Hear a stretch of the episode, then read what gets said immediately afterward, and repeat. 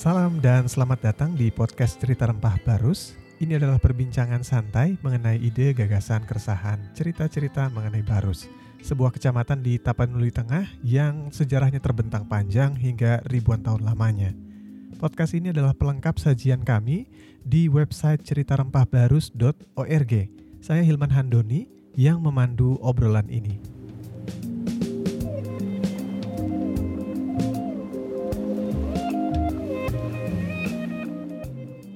Mulai dari Barus hingga situs Bongal, Sumatera Utara menyimpan potensi arkeologis yang luar biasa.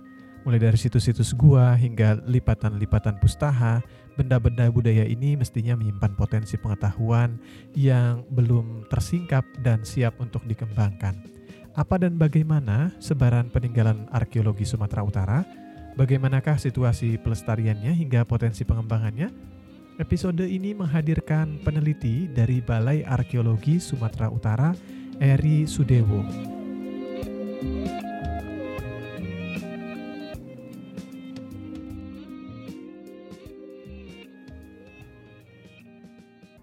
Mas Eri, uh, sehari-hari sebagai peneliti di Balai Arkeologi Sumatera Utara.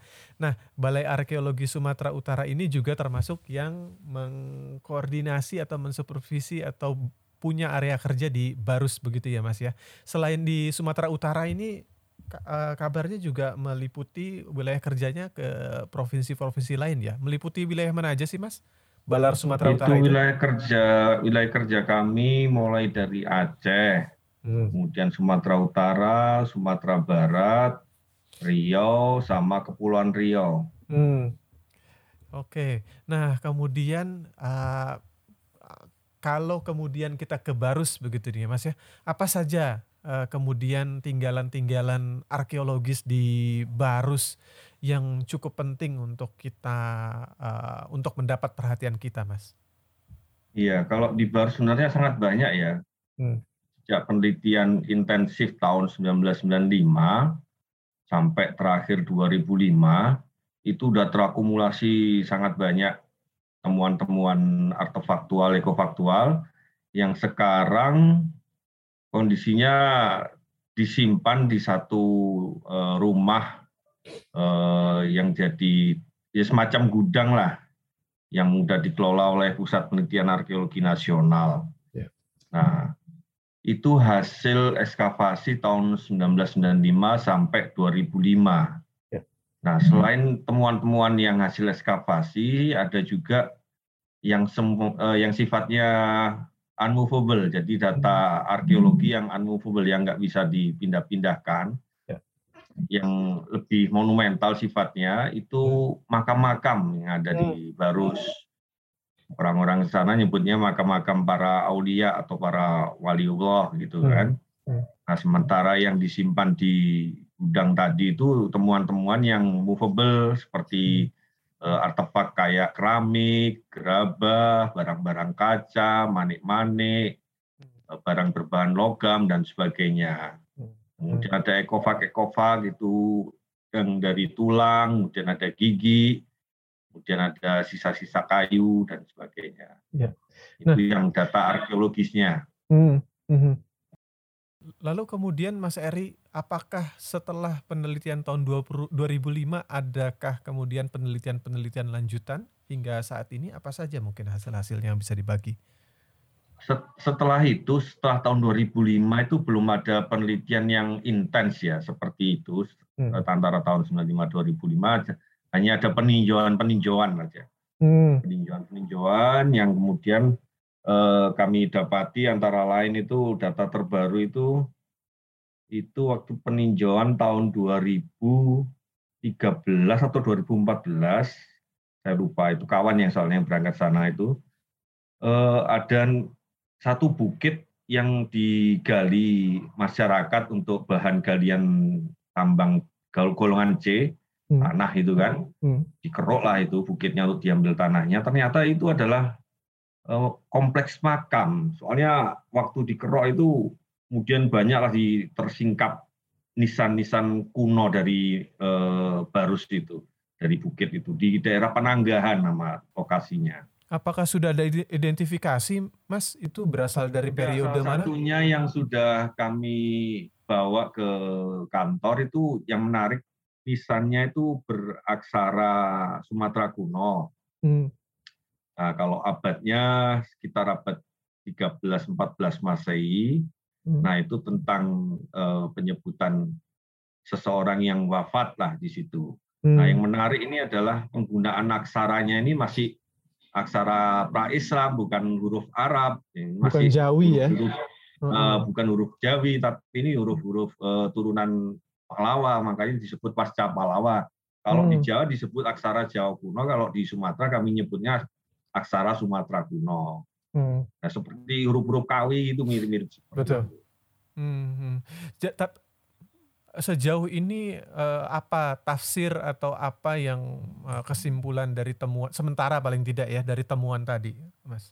Apa Nah, maknanya? tem- eh, jadi proses-proses eh, eh, Islamisasi terkait kawasan Barus khususnya itu tampaknya terjadi secara berangsur-angsur ya, Hmm. tidak sesuatu yang eh, eh, tiba-tiba kemudian atau dipaksakan, tapi ini terjadinya secara gradual gitu, Hmm. sehingga eh, apa nilai-nilai atau ciri-ciri budaya sebelumnya itu ternyata masih dipakai Hmm. Bahkan ketika Islam itu sudah mulai eh, masuk di sana kan. Hmm. Nah, buktinya yaitu tadi ternyata masih dipakai itu huruf atau aksara pra-Islam untuk disematkan di nisan. Hmm. Itu kalau dari posisinya itu lebih dekat ke pesisir atau sudah agak menjauh ke pedalaman tuh, Mas? Udah udah agak naik, udah agak naik ke Hmm. pedalaman. Dia udah Hmm. agak naik. Jadi posisinya tuh ke arah komplek makam Mahliga itu Hmm. Oke. harus. Hmm. Udah, udah agak ke atas lah, nggak, nggak dekat pantai kali ini ya. Hmm. Eh, untuk menyimpulkan bagian ini begitu Mas, apa nilai penting Barus mulai dari temuan yang sejak ekskavasi eh, besar-besaran hingga temuan se- sejauh ini begitu apa maknanya, apa pentingnya, apa yang kemudian bisa kita ambil nih dari eh, tinggalan arkeologis di Barus, Mas? Barus ini kan boleh dibilang salah satu situs eh, pelabuhan kuno Hmm. yang jejaknya itu masih bisa kita lihat sebenarnya. Hmm. Kemudian proses perubahannya itu berdasarkan data arkeologis pun bisa diinterpretasi karena Hmm. keberadaannya itu. Cuman sayangnya arti pentingnya ini tidak diimbangi, tidak dibarengi dengan upaya eh, pemanfaatan lebih lanjut Hmm. agar masyarakat luas bisa tahu akan arti pentingnya. Ya. Nah, makanya tidak heran ketika mereka menemukan eh, data baru seperti nisan itu tadi, mereka ya di apa ya kalau orang Jawa bilang dikelumpruk gitu aja di bawah bukit itu, dikumpulkan gitu aja Ya, tanpa betul. tahu bahwa itu sesuatu yang sangat penting gitu loh. Betul, betul. Nah, karena itu mungkin perlu lebih intens untuk apa menyampaikan kepada masyarakat akan arti penting tinggalan warisan budaya yang ada di sekitarnya gitu. Hmm, hmm. Bahwa Barus ini bukan sesuatu yang ecek-ecek kalau orang gampangnya sekarang kan. Bahasanya Iya, iya. bukan ecek-ecek Barus ini. Ini pelabuhan internasional loh ini kan. Hmm, hmm. Memang perannya sekarang tidak seperti waktu abad-abad ke-9 sampai kira-kira abad ke-14 atau 15 Betul. Masehi, tapi dia masih punya apa eh, peninggalan-peninggalan yang bisa jadi bukti akan kejayaannya masa di masa lalu itu gitu. Hmm, Nah, makanya kami eh, Balai Arkeologi dalam hal ini dalam waktu dekat ini akan melakukan semacam kegiatan sosialisasi ke masyarakat, khususnya pada anak-anak sekolah. hmm. Nah, nama kegiatannya itu Rumah Peradaban, Mas. Oke. Dari jadi kegiatan Hmm. Rumah Peradaban ini kami beri informasi lah kepada anak-anak sekolah ini tentang arti penting eh, Barus, kemudian apa sih yang istimewa dari Barus ini. Hmm. Kami bikin semacam komik, buku-buku, buku ringan aja tentang Ya. temuan-temuan yang ada di Barus. itu. Hmm, hmm. Nah, itulah yang kemudian kami sampaikan. Ya, itu kita melangkah sedikit keluar dari Barus, Sumatera Utara ya. Eh, Di wilayah Sumatera Utara juga eh, kabar terbaru ada situs Bongal di sana, si jago-jago yang konon ini akan mengubah historiografi nasional begitu, saking dahsyatnya begitu.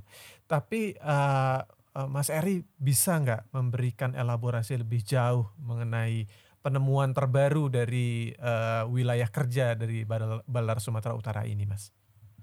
Iya, kalau yang di Bongal ini kan sebenarnya data itu sudah kami peroleh waktu kami lakukan survei tahun 2001, Mas. Jadi waktu 2001 itu kami survei di wilayah Kabupaten Tapanuli Tengah sama kota Sibolga. Ya. Nah, kemudian kami dapat informasi bahwa ada satu eh, lokasi yang mereka sebut itu Bukit Bongal. Di sana katanya ada arca gitu. Kemudian kami kejar lah ke lokasi itu. Nah, kami dapati rupanya di sana ada satu arca batu wujud eh, Dewa Ganesha. Nah, cuman sayangnya kondisinya juga tidak utuh waktu kami jumpai tahun 2001 itu. Bagian kepalanya sudah hilang. Tapi masih bisa kami identifikasi itu memang adalah arca Ganesha. Hmm. Nah, waktu kami menuju lokasi itu, kami lihat masyarakat di bagian kaki Bukit Bongal itu sedang apa? Mereka lagi mendulang emas. Hmm. hmm jadi aktivitas uh, sebagian masyarakat desa Jago-Jago itu men mencari emas dari aliran sungai Lumut yang ada di kaki Bukit Bongal itu. Hmm. Nah, kemudian perkembangan lebih lanjut kami tidak ada kegiatan uh, intens di sana, di eskavasi atau apa. Tahu-tahu tahun sekitar 2000 waktu booming itu loh, Batu Akik Mas, tahun berapa oh, ya? 2014, iya, iya. 2015 lah itu. Semua tergila-gila itu ya. Nah, waktu itu masyarakat nyari batu akik dari kawasan kaki Bukit Bongal itu. Hmm. Nah, kemudian rupanya mereka juga nemukan waktu gali itu, waktu gali nyari batu itu, mendapati barang-barang yang mereka sebenarnya tidak tahu apa itu. Hmm. Rupa koin-koin, kemudian cincin, segala macam artefak termasuk di antaranya papan-papan perahu, kemudian tali-tali hijau. Oh. Nah, hmm. itu mereka campakkan begitu saja, kecuali eh, koin-koinnya itu berbahan emas, itu kemudian mereka lempar ke pedagang emas di sekitar Sibolga dan sekitarnya. Hmm. Nah, dari situlah baru kemudian ada apa pemerhati-pemerhati budaya mengumpulkan barang-barang itu. Hmm dan sampailah informasi itu ke kami tahun 2019. Hmm. Nah, mulai tahun 2019 itulah kemudian kami lebih intens untuk mencermati perkembangan di kawasan situs Bongal Desa Jago-Jago itu. Hmm. Dan alhasil kami akhirnya melakukan eskavasi pada, pada tahun 2020 hmm. bulan Januari itu kerjasama dengan satu institusi swasta eh, lembaga apa, penyiaran Kemudian kami eskavasi selama dua minggu dan alhasil kami mendapati eh, beberapa data yang sangat menarik yang menunjukkan bahwa situs Bongal ini memang eh, secara periode ini lebih tua. Paling tidak dua abad sebelum Barus, situs-situs di Barus. Nah, situs Barus yang tertua yang teridentifikasi kan hasil penelitian 95 itu, itu situs Lobutua ya. itu data arkeologisnya abad ke-9 Masehi, artinya tahun 800-an sekian. Nah, sementara yang kami dapati di situs Bongal itu, itu data tertua, itu bahkan ini hasil pertanggalan carbon dating, itu ada yang dari abad ke-6, artinya tahun 500-an sekian. Nah, yang menarik kemudian kami juga dapati eh, data artefaktual itu asalnya dari abad ke 7 Masehi. Jadi hmm. ada koin-koin dari masa dinasti Umayyah, hmm. kemudian ada juga koin-koin dari masa dinasti Abbasiyah yang kronologinya itu antara abad ke-7 sampai ke-9. Artinya dari tahun 600-an sampai tahun 800-an. Hmm. Nah, selain data artefaktual yang bisa kita rujukan ke Timur Tengah, dari Bongal ini kita juga dapati bukti konkret adanya interaksi dengan Eh, pendukung budaya Hindu-Buddha. Nah, hmm. kemungkinan besar dari India. Itu kami dapati satu bilah papan, hmm. satu bilah papan saya kurang tahu ini apakah bagian dari perahu ataukah dari bangunan suatu bangunan dan dia ada goresan pertulisannya. Hmm. kalau dilihat karakter pertulisannya itu mirip aksara-aksara Palawa hmm. yang secara paleografis kronologinya itu abad-abad ke-7 Masehi. Yeah. Nah, penasaran dengan itu, kami kemudian kirim sampel serpihan dari eh, papan tadi untuk tanggalannya. Hmm. Dan hasilnya memang klop dengan perkiraan paleografisnya itu berasal dari abad ke-7 sampai ke-8 Masehi. Hmm. Artinya tahun 600-an sampai 700-an sekian. Hmm. Nah, bisa jadi inilah yang mungkin uh, disebut barus dalam uh, teks-teks uh, sejarah catatan-catatan asing itu. Hmm. Jadi bisa jadi inilah awal dari barusnya itu justru di sini. Nah, barulah kemudian karena satu dan lain hal kemudian bergeser lebih ke utara ke barusnya itu sendiri. Hmm. Dalam konteks kita sekarang mungkin ini terpisah secara administratif ya mas. Iya betul. Antara barus dengan situs Bongal di desa Jago-Jago ini. Hmm. Cuman dalam perspektif lama bisa jadi ini satu kawasan sama ini. Jadi hmm. baru seraya lah. Hmm. Hmm. Nah, jadi kalau kita mau mencari uh, data interaksi kemudian Islamisasi awal, Hmm. Buktinya bisa kita dapati di sini hmm. di Bongal ini. Hmm. Itu arti pentingnya Bongal seperti itu, Mas. Artinya nah, poin-poin nah, geografinya nanti hmm. kemungkinan besar akan berubah karena selama ini kan kita punya teori-teori terkait Betul. dengan masuk dan berkembangnya Islam di Indonesia. Ya. Nah, dua yang paling kuat yang selama ini jadi ya, apa pegangan kan teori-teori Belanda itu bahwa Islam yang masuk ke Nusantara ini berasal dari India, dari Gujarat. Hmm. Nah, belakangan muncul juga teori yang mengatakan bahwa Islam di Indonesia berasal dari Cina. Hmm. Nah, tapi ada juga satu teori yang bilang bahwa Islam di Indonesia itu datangnya dari Timur Tengah. Cuman yang membedakan antara ketiga teori ini, kalau teori yang dua tadi, yang dari India, sama dari Cina, data arkeologisnya bisa kita cari, bisa kita temukan, ya. sudah ditemukan. Hmm. Artinya telah menguatkan pendapat bahwa Islam memang ada yang datang dari India dan dari Cina. Hmm. Nah, yang dari Timur Tengah ini data arkeologisnya belum ditemukan. Nah, kemudian barulah kami dapat verifikasi setelah adanya temuan dari situs Bongal tadi. Alhasil inilah nanti jadi semacam milestone-nya yang menguatkan bahwa Islam yang ada di Indonesia atau Nusantara ini semula berasal dari Timur Tengah dan berasal dari abad pertama Hijriah. Ya. Nah, artinya abad-abad ke-7 Masehi.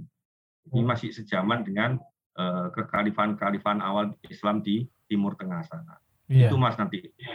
Artinya lebih cepat dari yang kita yang diperkirakan oleh teori-teori yang telah established begitu ya, Mas Eri ya, uh, uh, bahwa ini uh, Islam di Nusantara itu jangan-jangan ya satu periode dengan periode awal Islam di Timur Tengah begitu ya. Yang menarik terkait dengan bunga tadi, itu kami juga temukan beberapa sampel yang sudah kami identifikasi adalah rempah-rempah, jenis rempah ya, yang sebagian di antaranya sudah kita kenal sekarang. Pertama yang bisa diidentifikasi itu ada eh, ini kemiri, kemiri. Nah kemiri ini sudah kami kirim sampel pertanggalannya itu, itu asalnya dari abad ke-9 sampai ke-10 Masehi. Jadi artinya ini angka tahun persisnya ya, 880 sampai 990 Masehi. Nah, Kemudian ada juga Pinang. Nah, Pinang ini juga sudah eh, kami kirim sampelnya, pertanggalannya sudah keluar. Itu dari abad ke-7 sampai ke-8 Masehi. Angka tahunnya yang keluar itu 650 sampai 710 Masehi.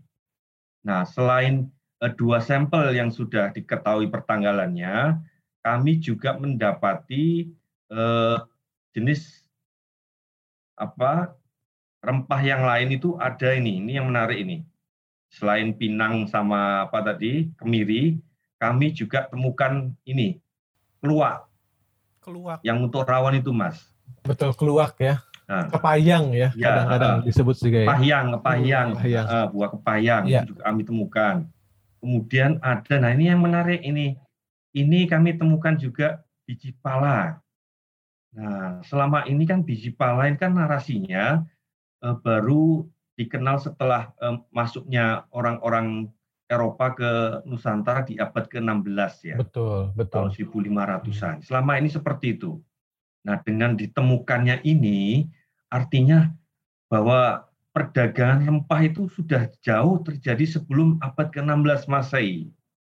Nah, rempah yang dari timur, khususnya dari Maluku, ternyata sudah ditemukan di uh, uh, situs Bongal ini, yang konteksnya ini abad ke-7 sampai ke-10 Masehi. Artinya dari tahun 600-an sampai abad uh, sampai tahun 900-an itu sudah ada perdagangan rempah hingga ke pantai barat Sumatera Utara khususnya. Nah, yang menarik lagi itu baru-baru ini saya baca satu artikel di jurnal internasional itu ada temuan cengkeh di salah satu situs pelabuhan kuno di Sri Lanka juga. Nah, artinya apa? Ini konteksnya abad ke-9 kalau nggak salah. Artinya apa? Perniagaan rempah, jalur rempah itu sudah wujud, sudah nyata jauh sebelum masuknya orang-orang Eropa ke Nusantara di abad ke-16 Masehi. Itu hmm. Mas. Mas, kalau eh, ya saya mau tanya lagi belum mengeksplorasi situs Bongal itu. Dia letaknya itu lebih ke tepi eh ke pesisir eh, barat kan, Mas? Dekat-dekat dekat laut kah? Iya, di pantai barat, dekat laut ya. Uh, itu... Jadi dia kalau dari Barus uh -huh. itu 60 km ke arah selatan ke arah Padang ya. Uh, Oke. Okay. Ke arah Padang, tapi dia dekat kota Sibolga. Sibolga ya. Oke. Okay. Uh, Makanya tadi kita sebut sebagai ya Barus Raya itu kira-kira wilayah uh, peradabannya di situlah ya jadinya ya. Seperti itulah Mas bayangannya. Hmm, betul, hmm, betul. Hmm, hmm. Uh, jadi kosmopolit banget ya wilayah itu ya. Sangat kosmopolit itu. Nah, yang menarik itu kan di mana di Bongal ini hmm. kami dapati juga petunjuk ya yang tadi saya sebut koin-koin tadi, hmm. ada kemungkinan koin-koin dari Timur Tengah itu ada yang diproduksi setempat. Lokal. Ada yang diproduksi di Bongal.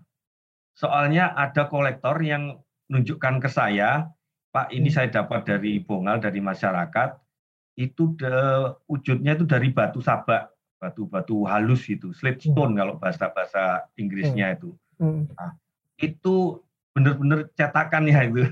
Cetakan dan berhuruf Arab juga gitu. Seperti hmm. yang eh, koin-koin yang ditemukan di Bongal itu. Artinya apa? Bisa jadi apa yang beredar di uh, Bongal sendiri kemudian apa yang beredar di Timur Tengah sana itu jangan-jangan ada yang diproduksi di sini. Untuk kebutuhan setempat Bongal, begitu ya? Iya. Hmm. untuk perdagangan. Nah itu yang menarik itu. Soalnya kalau bahan baku kan, kalau ini perak, perak kan dia biasanya sekonteks sama emas. Emas ada ditambang di uh, aliran sungai Lumut itu sendiri. Ya. Nah sekarang kan masih ada itu pertambangan emas di kawasan Hulu juga, hmm. yang intens itu. Ya. Dekat situ kan juga ada kawasan Batang Toru, ada hmm. pertambangan emas besar di sana. Nah itu pasti menghasilkan perak juga, mas. Hmm. Artinya apa? Jangan-jangan ya, ini perdagangan yang ada di Bongal ini beberapa alat tukarnya itu diproduksi di sini gitu hmm. tempat untuk selain digunakan sebagai alat tukar di Pelabuhan Bongal jangan-jangan juga dibawa sampai ke Timur Tengah sana hmm. hmm atau tempat hmm. lain hmm. itu yang menarik itu apa eh, koin-koin uh, emas itu dalam kualitas yang bagaimana ya Mas? Masih baguskah atau dalam kondisi? Namanya emas itu nggak nggak akan berubah sifatnya dia. Hmm. Nah, cuman itulah sayangnya sebagian besar setelah ditemukan oleh masyarakat awal-awalnya dulu ya, itu hmm. langsung dibawa ke toko emas. Dilebur. Lebur. Aduh, nah. ampun deh. Nah, sudah. yang bikin saya sedih lagi, hmm. kapan itu sebelum kami datang beraktivitas ke sana, hmm. itu masyarakat menemukan bongkahan yang saya curiga itu tembaga, Mas. Uh-huh. beratnya itu kalau saya lihat saya tafsir itu antara 50 kiloan ke atas itu. Oh, besar sekali. Besar. Nah, yang unik juga di bongkahan e, tembaga itu bentuknya kayak kue itu loh, Mas. Kue apem, apem. kue apa itu. ya, seperti gitu itu. Ya. e, jadi setengah agak setengah lingkaran itu. Nah, itu ada tulisan Arab kufinya. Nah, hmm. ini artinya zaman dengan koin-koin tadi. Kufi ini berkembang kira-kira pada masa-masa Umayyah juga. Ya. Ya. Sayangnya itu juga sudah dilebur karena dijual ke toko emas. Bahan campuran untuk perhiasan itu sayangnya itu. Mas Eri, sudah ada konfirmasi belum sih bahwa koin-koin yang kita temukan di sini it, dengan koin-koin yang ditemukan di tempat lain itu memang bentuknya sama, karakteristiknya itu sama atau bagaimana Mas? Ada, atau ada kekhasan begitu di dari sini? Karena mengingat Mas Eri tadi bilang bahwa ada kemungkinan juga nih locally made gitu, dibikin lokal nih jangan-jangan gitu. Kalau Sudah morfologinya sama Mas. Sama morfologi sama. Ya? Sama, pertulisannya sama. Hmm. Artinya apa? Mereka mengikut apa yang ada di uh, pusatnya sana. Hmm. Gitu bentuknya okay. sama persis. Hmm. Cuman agak beda karena kan dia dicap itu kan, ya. ada yang dicap, kemudian ada yang cetakannya nggak rapi gitu kan, jadi agak melebar-melebar gitulah. Hmm. Itu aja sih beda. Mas rempah Hmm, rempah tadi menarik adalah yang jarang disebut ya, uh, misalkan kemiri gitu. Kalau pala, congkeh, lada dan segala macam udah sering lah ya. Tapi yang menarik juga kemiri dan pinang. Pinang uh, ini juga bisa mungkin Mas Ari bisa uh, punya apa informasi lebih banyak soal penggunaan tradisi Pinang ini karena kan sekarang juga uh, sudah hampir menghilang juga ya tradisi ini. Mm-mm. Itu bagaimana? Mm. Pinang ini Pinang kemungkinan ya masih sama sih fungsinya seperti yang tersisa sekarang ya mm. untuk menyirih ya bagian menyirih, dari betul, menyirih gitu, kan. untuk menyirih karena ada zat-zat apa yang bikin dia nagih kan gitu seperti ya, itu. Candu. Nah kalau yang apa eh, kemiri ini, eh, kalau kemiri, kemiri ini selain untuk bumbu, ini menarik ini dari nama Inggrisnya mas. Dalam bahasa Inggris kemiru candle nut. Candle. Candle lilin. lilin. Candle nut. Jadi kacang lilin. Artinya ya. apa? Ketika si kemiri ini dimasak, dipanaskan, dia akan menghasilkan minyak. Ya. Nah, minyak inilah yang untuk apa penerangan. Hmm. Jadi lampu, jadi pelita. Makanya dia disebut sebagai candle nut. Hmm. Nah, artinya apa? Eh, temuan sangat banyak mas pecahan cangkang-cangkang kemiri yang kami temukan ini. Hmm. Artinya bisa jadi kemiri ini selain untuk bumbu masak, dia diambil manfaatnya untuk minyak. Penerangan ya. Digunakan hmm. minyak goreng atau hmm. untuk penerangan bisa. Hmm. Nah, itu. Menarik sekali. Ini masih banyak lagi yang yang uh, yang yang baru-baru ini sedang sedang sedang di Ini ada juga ya, yang menarik juga dari mana Bungal ini kami ketemukan itu wadah berbahan kaca yang hmm. bentuknya itu mengingatkan kami pada wadah destilasi. Nah, kalau di buku-buku apa teknis kimia itu dia biasa disebut sebagai alembik. Hmm alembik dia. Jadi bentuknya seperti cup itu, seperti gelas kecil, mm-hmm. tapi dia punya cerat panjang, mm-hmm. panjang. Nah itu untuk mengalirkan uh, proses hasil destilasinya. Nah mm-hmm. saya curiganya dia ini digunakan untuk mendestilasi uh, jenis-jenis kayu-kayuan atau wangian tertentu yang dihasilkan di sekitar Barus ini. Kamper, kemenyan ya. Kemenyan gaharu dan sebagainya. Artinya apa? Kita tidak hanya menjual uh, kamper, kemenyan, gaharu dan sebagainya itu dalam bentuk mentahnya, tapi hmm. sudah dalam bentuk yang diolah menjadi minyak, Mas. Hmm. Itu kami temukan alembiknya, alatnya itu. Hmm. Artinya ada kesadaran untuk kesadaran kreatif yang cukup tinggi begitu ya, Mas ya? Tidak sekadar memanfaatkan barang mentah tapi mengolah gitu loh. Mengolah betul, ya penghuninya di sana. Uh, kita melangkah dari si jago-jago yang demikian uh, dahsyatnya itu, semoga saya sih harapannya ini semakin banyak perhatian, semakin bisa dieksplorasi. Tapi kita mau melihat situs-situs lainnya di Sumatera Utara, Mas. Apakah ada jenis lainnya atau dari periode lainnya, katakanlah misalkan prasejarah uh, atau misalkan saja yang sangat terkenal dari Sumatera Utara, Pustaha begitu, uh, apa saja temuan-temuan menarik sebaran-sebaran yang ada di wilayah kerja Balar Sumatera Utara ini yang menurut Mas Eri sangat penting untuk diketahui oleh uh, warga uh, biasa? Iya, kalau Sumatera Utara ini sangat lengkap ya, mulai periode prasejarah sampai masa sejarah kurun pengaruh masuknya Islam sampai masa kolonial Belanda pun ada gitu kan. Hmm. Kalau masa prasejarah itu bisa dirunut itu adanya bukit-bukit kerang hmm. di daerah Hinai di Kabupaten Langkat. Nah, hmm. kemudian di Tandem Hilir juga ada, bahkan dulu itu pernah sampai tersebar sampai ke daerah Percut, Medan. Hmm. Cuman sayangnya eh, karena tuntutan kebutuhan ekonomi, bukit-bukit kerang itu kemudian ditambang oleh masyarakat, hmm. sehingga yang tersisa sekarang bukit-bukit kerang itu eh, banyak yang sudah rata, bahkan ada yang sudah jadi semacam danau itu. Nah itu yang di daerah mana Tandem Hilir apa Hinai hmm. di Langkat sana.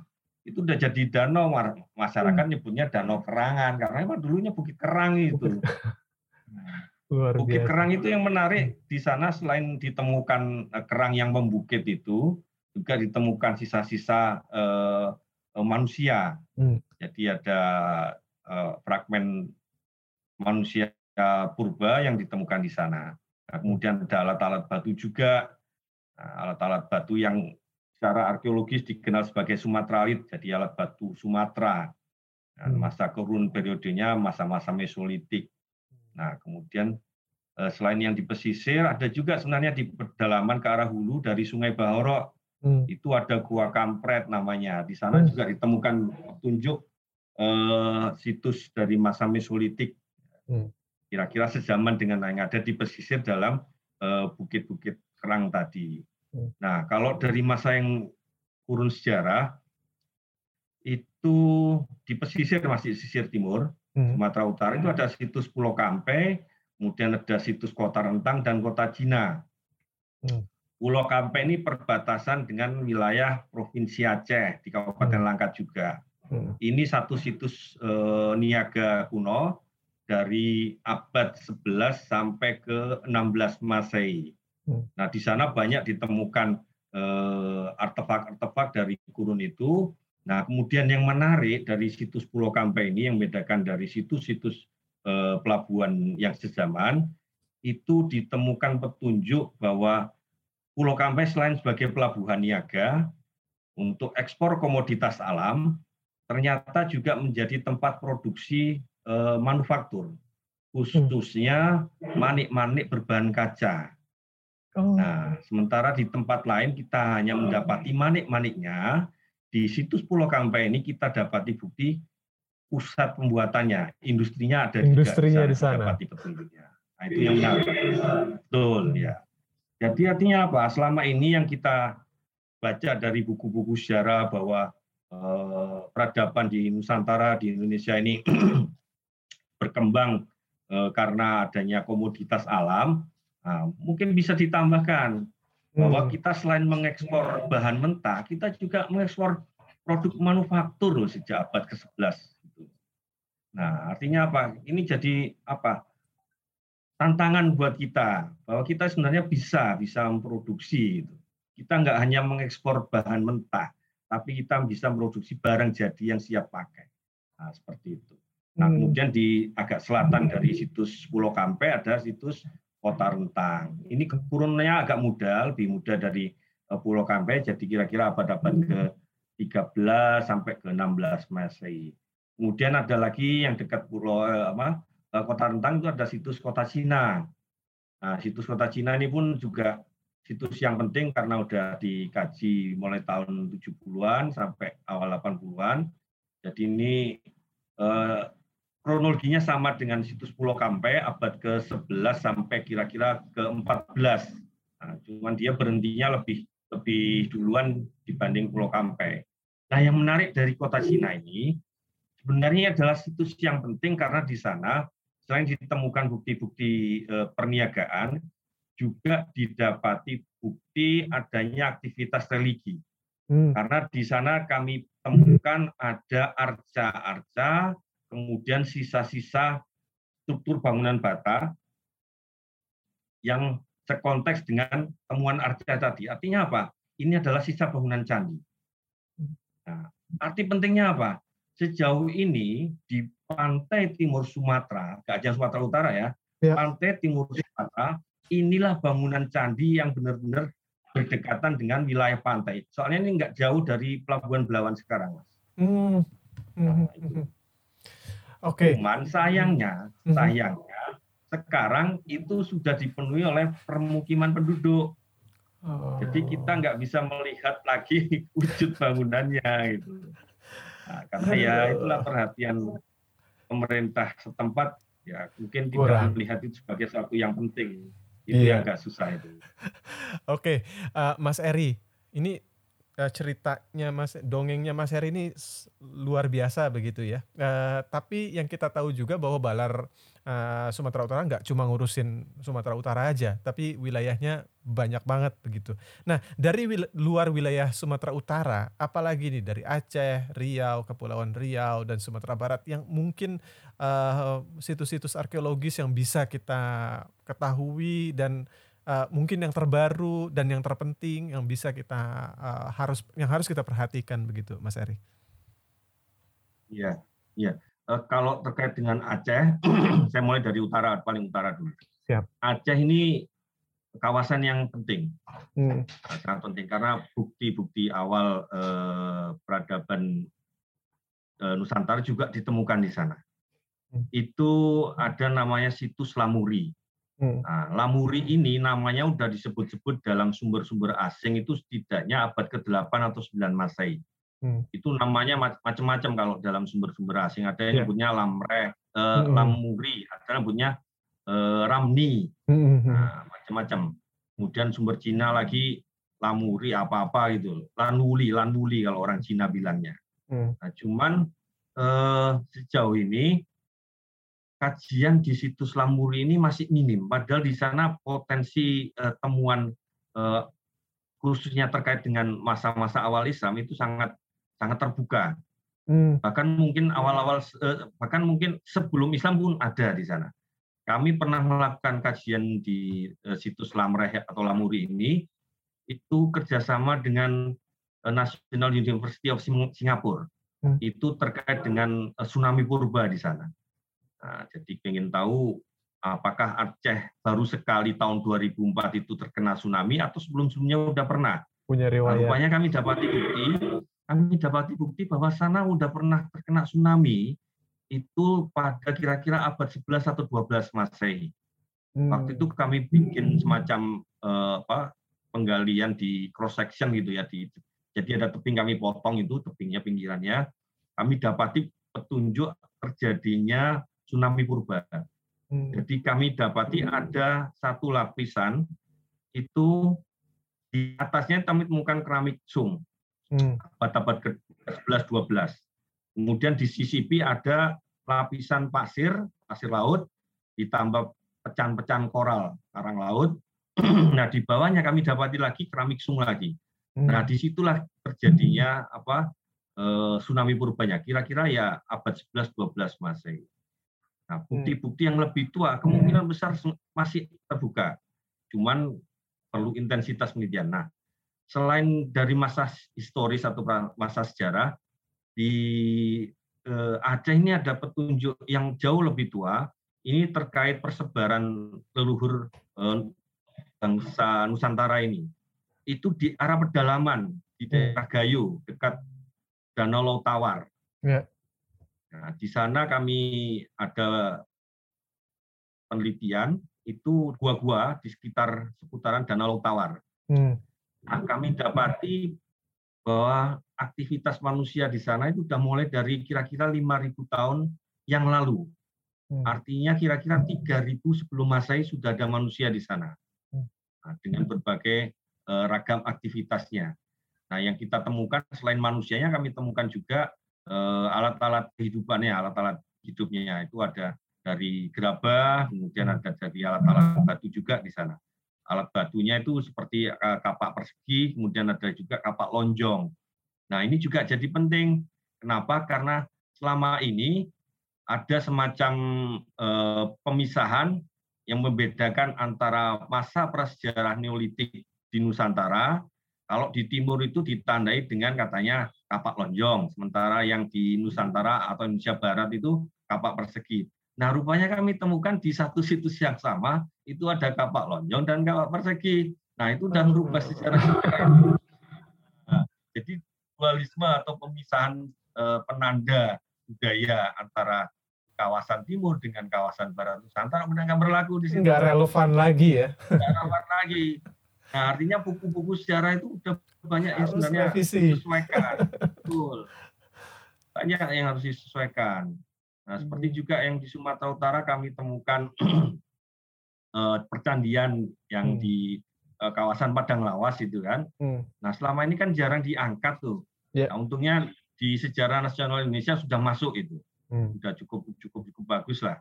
Nah, meskipun belum cukup up to date, tapi sudah cukup bagus. Nah, hmm. Kalau di Aceh seperti itu, Mas.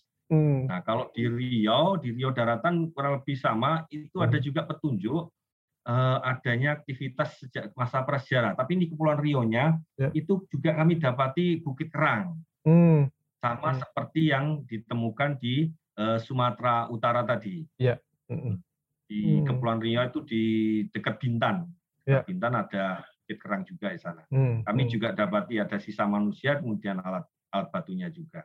Hmm. Nah di daerah pedalaman di daratannya kami juga dapati uh, sisa aktivitas manusia purba di ya. uh, kawasan Indragiri Hulu ya. di Logas itu juga ada alat batu. Nah kalau masa itu masa sejarahnya ya percandian di dekat Muara Takus itu di Muara Takus kami dapati petunjuk bahwa situs Muara Tahu sebenarnya dulu cukup luas, cuman karena ada aktivitas apa pembangunan PLTA kemudian sebagian tenggelam. Hmm, nah, kemudian okay. kami melakukan ekskavasi 2013 kami juga dapati ada uh, artefak-artefak dari logam, di antaranya hmm. ada termin yang berlapis emas juga di sana temukan. Ya. Nah itu dari abad-abad ke 11, eh, ke 10 sampai ke 11 Masehi. Hmm. Nah kemudian sebenarnya banyak banyak, masih ya? bisa kita ya. ekspor. Iya, hmm. di Sumatera Barat demikian juga. Ya. Juga masih cukup banyak yang bisa okay. diungkapkan. Baik, uh, Mas Eri. Hmm. Uh, uh. Baik, Mas Eri, uh, dari semua temuan ini uh, bisa di uh, mungkin Mas Eri bisa memberikan semacam sum up, uh, semacam uh, ringkasan begitu ya. Apa makna dari temuan-temuan ini semua? Dari dari mulai uh, pusat industri, jaringan uh, pelabuhan dan macam-macam. Apa maknanya buat kita ya da dalam konteks uh, hari ini uh, kita sebagai bangsa uh, ya Indonesia begitu. Apa yang bisa diambil dari dari temuan-temuan ini begitu, Mas? Iya. Satu yang utama, mhm. sejak dulu kita ini memang sudah beragam. Sejak dulu kita sudah beragam. Dari manusianya saja kita ini hasil pembauran dari berbagai ras. Kalau ada yang bilang kita ini manusia Indonesia asli, kita sebenarnya nggak asli-asli amat. yeah, kita yeah, ini yeah. hasil mix, hasil blend dari beragam eh, ras, kemudian beragam latar belakang budaya, sehingga wujudlah manusia Indonesia yang seperti sekarang. Mm-hmm. Bukti paling konkret itu temuan yang di eh, mana di Gayo tadi. Di Gayo itu didapati petunjuk bahwa manusia awal yang menghuni di sana itu eh, gambarannya itu seperti saudara-saudara kita yang di Papua. Hmm. Jadi penghuni awal di sana itu orang-orang Astromelanesia, Astromelanesid. Hmm. Nah, barulah gelombang berikut masuklah orang-orang yang sawo matang seperti kita. Hmm. Orang-orang Mongoloid. Hmm. Nah, kemudian terjadi mix. kemudian terjadi mix sehingga muncullah manusia-manusia dengan ciri-ciri eh, genetis perpaduan antara Austromelanesid dan Mongoloid. Nah, itu bukti konkret, itu sudah dikaji secara uh, genetis oleh lembaga Eijkman. Hmm. Itu hmm. berdasarkan apa yang ditemukan di Gayo. Hmm. Kemudian secara budaya juga demikian halnya. Kita ini campuran kok sebenarnya. Apa yang terrepresentasi, eh, terrepresentasi sekarang itu adalah hasil perpaduan dari beragam budaya apa yang kita sebut sebagai Islam Nusantara sekarang ini itu adalah hasil eh, perpaduan dari berbagai macam budaya yang sebelumnya ada, kemudian masuklah inti Islamnya itu sehingga wujudlah Islam yang sekarang ini. Hmm. Nah, makanya nggak heran apa yang ditampilkan di Islam di Indonesia ini mungkin agak berbeda secara apa eh, tampilannya dibanding Islam tempat lain. Ya paling paling gampang yang di Barus tadi itu kan, hmm. bahwa ternyata aksara atau huruf dari masa pra-Islam masih digunakan untuk makam Islam seperti itu. Itu nggak cuma di Barus, di Aceh juga didapati loh mas. Itu ada prasas eh, nisan, nisan nisan di di Aceh itu itu dua nisan. Salah satu nisannya itu menggunakan huruf yaitu tadi pasca Palawa atau Sumatera kuno tadi dari abad ke 14 Masehi. Ya. Artinya apa? Meskipun Islam masuk, dia tidak serta merta menggusur eh, kebudayaan telah ada sebelumnya, tapi kemudian menjadi sesuatu yang baru gitu. Hmm. Sehingga muncullah yang kemudian sekarang lah sekarang ini kita sebut sebagai Islam Nusantara. Sebenarnya bibitnya sudah bisa kita lihat dari dulu. Ya. Intinya apa sekali lagi? Ya kita itu eh, beragam memang dari dulunya, hmm. baik secara genetis maupun secara uh, kultural. kultural. Artinya kita ini harus terbuka memang dengan hmm. apa yang diwariskan oleh nenek moyang kita dari dulunya. Ya apa adanya kita sekarang ini seperti ini ya, ya diterima aja karena karena kita emang hasil mix, hasil gitu kan. Nggak ada yang berdarah murni. Nggak ada, jangan terlalu ekstrim. Wah, aku ini orang Indonesia asli, nggak, nggak ada yang asli kita ini. Mas. Baik. Kita cuma bedakan itu mana yang lebih duluan datang gitu aja. Betul. Baik kalau begitu, Mas Eri terakhir ini Mas Eri. Uh, kita tahu bahwa peninggalan arkeologis sudah memberikan begitu banyak uh, kepada kita uh, patokan-patokan, identitas-identitas, kira-kira begitu ya. Bagaimana sejarah kita di masa lampau. Tapi kan dari dari cerita tadi yang mengasyikkan tadi dari Mas Eri adalah Ya ceritanya nggak seromantis itu. Banyak juga situs-situs yang terancam dengan dengan pertambangan, dengan pembangunan, permukiman dan macam-macam. Nah, mungkin Mas Eri bisa memberikan semacam refleksi dari uh, situasi seperti ini. Pentingnya ilmu arkeologi dengan uh, tantangan gerusan zaman yang juga uh, punya tantangan ekonomi, pembangunan dan, dan macam-macam. Iya, makasih. Uh, jadi gini, kita sekarang mungkin tidak tidak begitu paham ya. Sebagian dari kita mungkin tidak begitu paham tentang arti penting uh, warisan budaya yang dipusakakan kepada kita dari leluhur kita itu. Tapi saya yakin di masa-masa akan mendatang uh, generasi penerus ini akan mencari akarnya.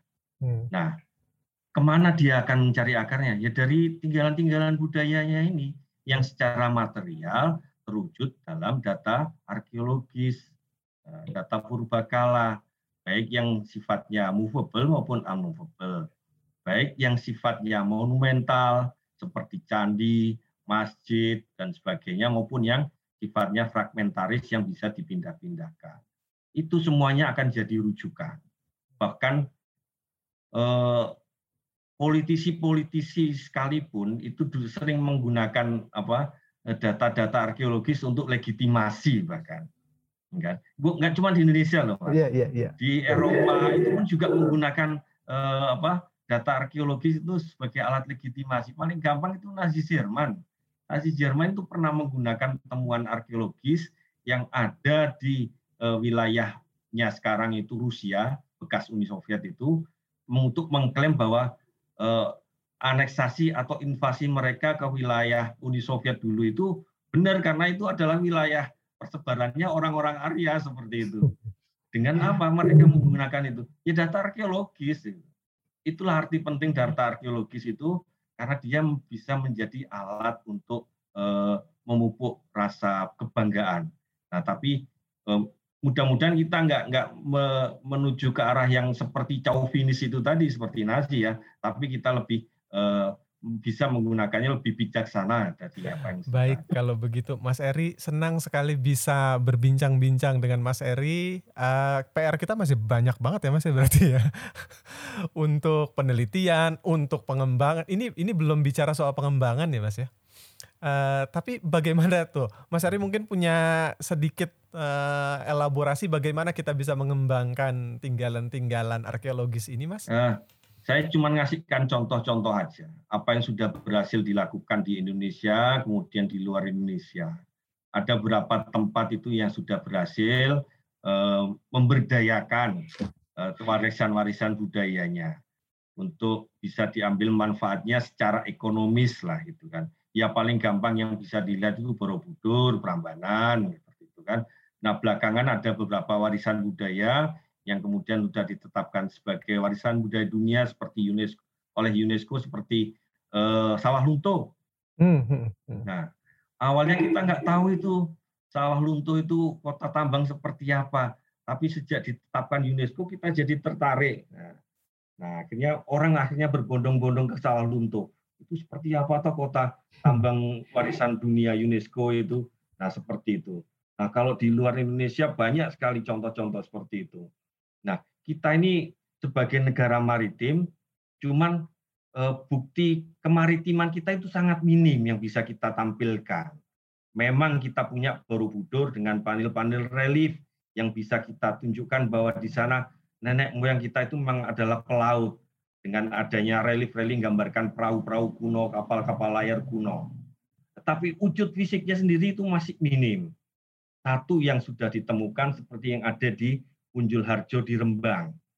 Rembang atau Jepara saya lupa itu. Rembang itu, ya. Itu sudah sudah sangat menarik itu. Itu sudah berhasil diselamatkan, kemudian bisa menjadi daya tarik wisata juga. Nah, pembanding yang lain tapi ini di luar Indonesia, ini orang Filipina. Mereka berhasil mengungkap uh, keberadaan satu uh, situs penting, situs butuan. Itu mereka bisa tunjukkan bahwa uh, kemaritiman mereka terwakili oleh keberadaan situs butuan itu. Nah, di sana ada banyak temuan perahu-perahu kapal-kapal kuno yang kemudian berhasil dieskavasi, kemudian diselamatkan, dan sekarang diekspos di eh, Museum Butuan sebagai bukti kemaritiman mereka. Nah, kita punya kesempatan itu, hmm. cuman belum ada yang ter apa ya tergerak untuk upaya eh, upaya-upaya seperti itu. Di hmm. Bongalit sendiri juga ada, Mas. Oh. Itu hmm. waktu masyarakat menggali itu ditemukan itu papan-papan perahu. Saya yakin masih banyak yang utuh di sana, cuman belum di ekskavasi lebih lanjut. Yang mudah-mudahan ke depan kita bisa Amin. Uh, melakukan uh, penelitian lebih intens. Amin. Baik, kalau begitu Mas Eris, sekali lagi terima kasih atas cerita-cerita menarik ini. Semoga bisa menggugah semua pihak untuk uh, peduli dan uh, semakin mengeksplorasi kebudayaan kita. Mas Eris, terima kasih banyak sudah menyediakan waktunya kepada kami. Sama-sama. Baik, demikian saudara perbincangan kami di podcast kali ini. Sampai jumpa di perbincangan uh, podcast Cerita Rempah Barus berikutnya. Saya Hilman Handoni pamit. Salam.